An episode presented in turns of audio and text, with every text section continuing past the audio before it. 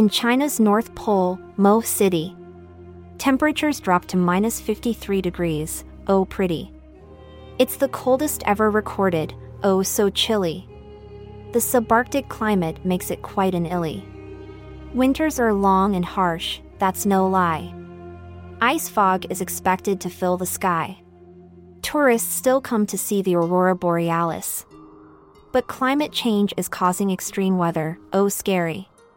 Just months ago, a heat wave did prevail. Power cuts and drought did assail. Now, it's the cold that's causing the pain. Climate change is driving us all insane.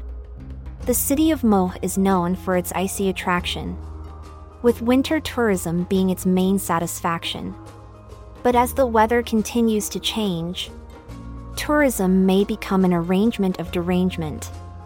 The first day of the Lunar New Year, the temperature dropped to minus 53 degrees, so severe.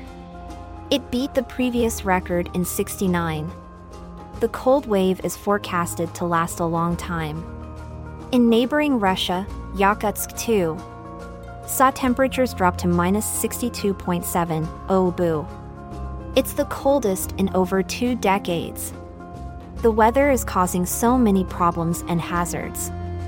Ice fog and extreme cold weather are causing many troubles together.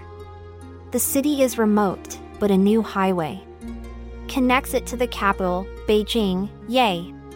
Climate change is making its mark. Extreme weather events, a constant spark.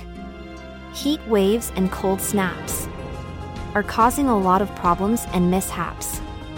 We must take action and be aware to prevent further damage and despair. Let's work together to save our planet. For a better future, let's not be a runaway.